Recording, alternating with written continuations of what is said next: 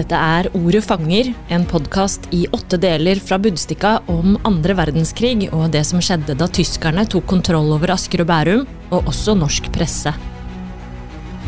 For det ble en tøff tid for Budstikka-redaktør Johs Løken, som fortsatte å utgi avisen selv om nazistene kom med detaljerte instrukser for hva som var tillatt å publisere og ikke. Du skal også få høre historier om menneskene som sto imot nazistene, de som led, og de som overlevde. Historieforteller er Dag Otter Johansen, og dette er fjerde episode, historien om Ivan Benkov og familien som forsvant.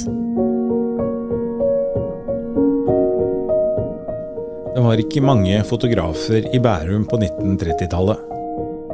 Faktisk var det bare én, Ivan Benkov. Han og familien hadde kommet til Bærum i 1930. De hadde flyttet sørover fordi forretningene i Trondheim gikk trått. Den jødiske familien på fem endte på Stabekk, hvor de flyttet inn i en treetasjes leiegård like ved stasjonen. Blant disse var sønnen Jo, som senere skulle bli stortingspresident og skildre disse krigsårene i sin bok Fra synagogen til Løvebakken. På Stabekk åpnet Ivan Benkov et atelier. Her skulle 20 000 bæringer bli fotografert de neste 17 årene. Dåp, konfirmasjon, bryllup og andre merkedager. Ivan Benkov var mannen som trykket på utløseren. I 1935 utvidet Benkov virksomheten. Familien ble leietagere i den nye Budstikagården i Sandvika. Her hadde de et kombinert parfymeri og rammeforretning i første etasje. Og Benkow var ikke bare leietaker hos Budstiga. Han ble også brukt som fotograf, som f.eks. i mars 1936. Henry Arthur Herstrøm skulle intervjue den kjente sangpedagogen Kitty Hedenskau på Stabekk i anledning hennes 65-årsdag. Og med seg hadde Herstrøm det han på trykk kalte 'min gode venn' Ivan Benkow. Og underveis i intervjuet beskriver også Herstrøm hvordan Benkow forandrer stuens utseende. Straks de kom, hadde han gått i gang med å rive ned portierstokker, slukke lys, stenge kraften til komfyren, kort sagt foreta alle disse forberedende handlinger til et godt bilde. Ivan Benkow var ikke bare en aktiv fotograf, han elsket å synge. Han hadde fått profesjonell sangundervisning som ung, og stemmen beskrives som en kraftfull tenor. Benkow sang gjerne mens han fremkalte bilder, og fra mørkerommet kunne det høres arier. Det gikk i Verdi, Puccini og favoritten Wagner. Hver onsdag dro han og kona Annie Louise på korøvelse. De hadde meldt seg inn i Filharmonisk kor, og dette ble inngangsporten til lokalsamfunnet for den jødiske familien Benkow. På 30-tallet, samtidig med at eh, Ivan Benkov og kona gikk på korøvelser, vokste det frem et jødehat i Tyskland. Og dette ble også omtalt i Budstikka. Høsten 1938 hadde reaksjonssekretær Henry Arthur Herstrøm vært på studietur til Tyskland.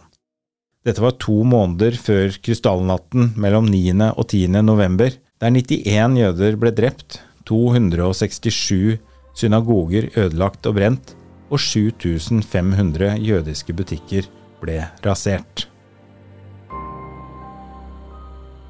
Herstrøm skrev i lokalavisen om et tysk samfunn preget av orden og høflighet, om arbeidsledighet på vei ned og byggevirksomhet på vei opp. Men han merket seg at tyskerne elsket å marsjere. Overalt var det uniformer, parader og våpen. Og han la merke til noe annet. Få turte si noe nedsettende om styresettet eller de regjerende i frykt for å bli arrestert. Taushet er gull. Det er alltid slik i en diktaturstat, konkluderte Herstrøm, som ble nedslått av hatet mot jødene. Jødehatet er et trist kapittel. Man kan like eller mislike typen og rasen, men de tyske jødeforfølgelser og det tyske jødehat er skrekkelig å være vitne til. I begynnelsen av 1941 kom det et krav fra de tyske okkupantene i Norge. Alle innbyggere over 15 år måtte bære legitimasjonskort. På jødenes ID-kort ble det stemplet en stor, rød J. Tyskerne satte fristen til 1. april, og oppdraget med å ta bildene gikk til Ivan Benkov. I Bærum bodde det på denne tiden drøyt 30 000 innbyggere. Benkov tok mål av seg til å fotografere 1000 om dagen, og han klarte det nesten.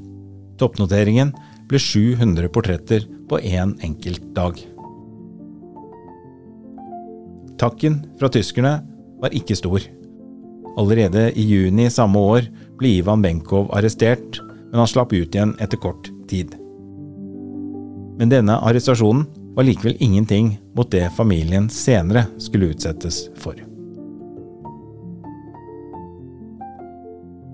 Uten å forstå jødespørsmålet vil man ikke forstå det som skjer i verden i dag, årsaken til denne krigen og hensikten med den. Dette ble fru Haldis Negård Østby sitert på i avisen i februar 1942.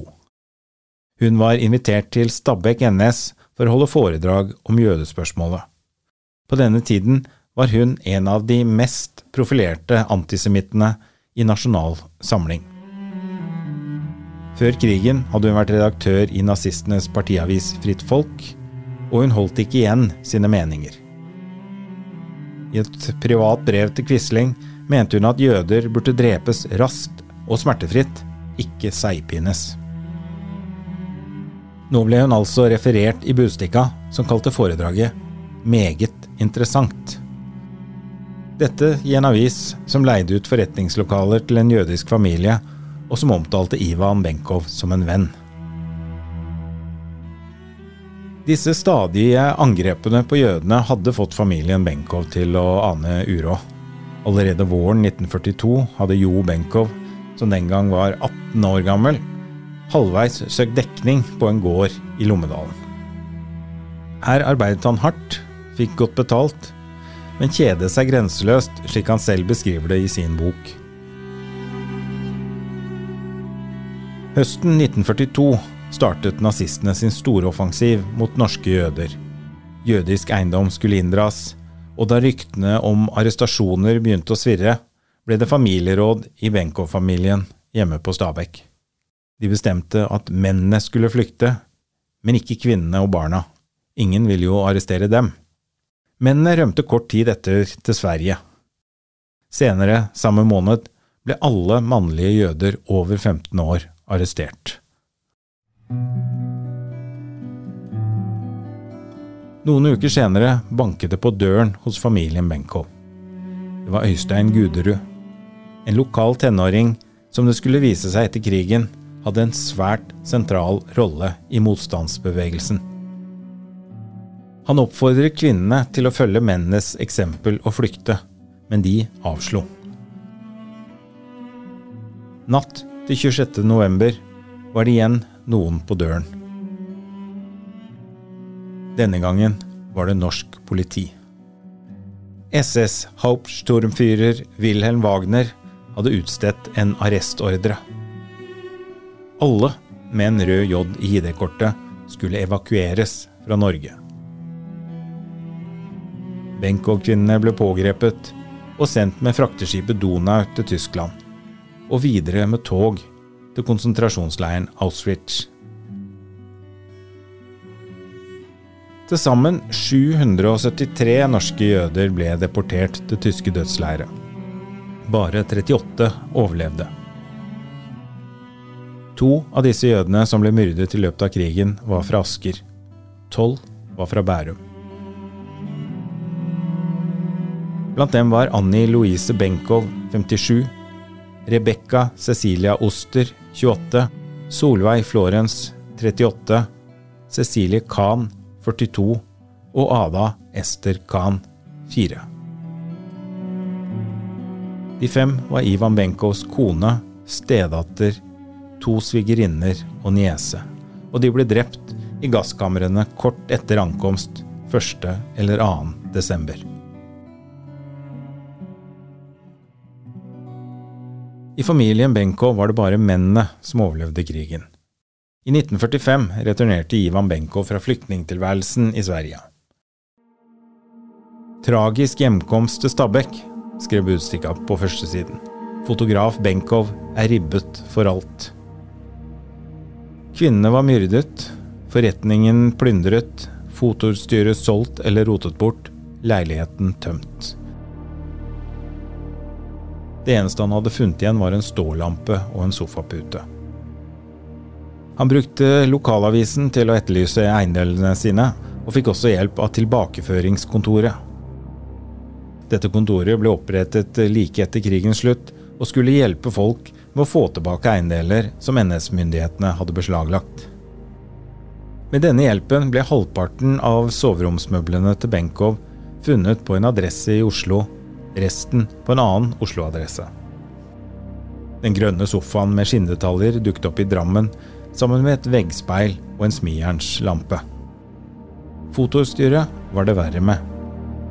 Dette var blitt beslaglagt av likvidasjonsstyret for inndratte jødiske formuer. Og etter krigen ble det funnet et brev fra Nasjonal Samlings ungdomsfylking.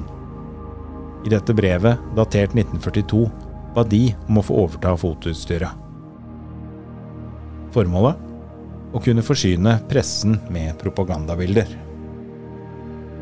Mangelen på fotoutstyr stanset ikke Ivan Benko. Allerede i slutten av juli 1945 åpnet han parfymeforretning på Stabekk, og 1. oktober var Ivan Benkow også i gang igjen som fotograf. Men å synge i mørkerommet, det var det slutt på.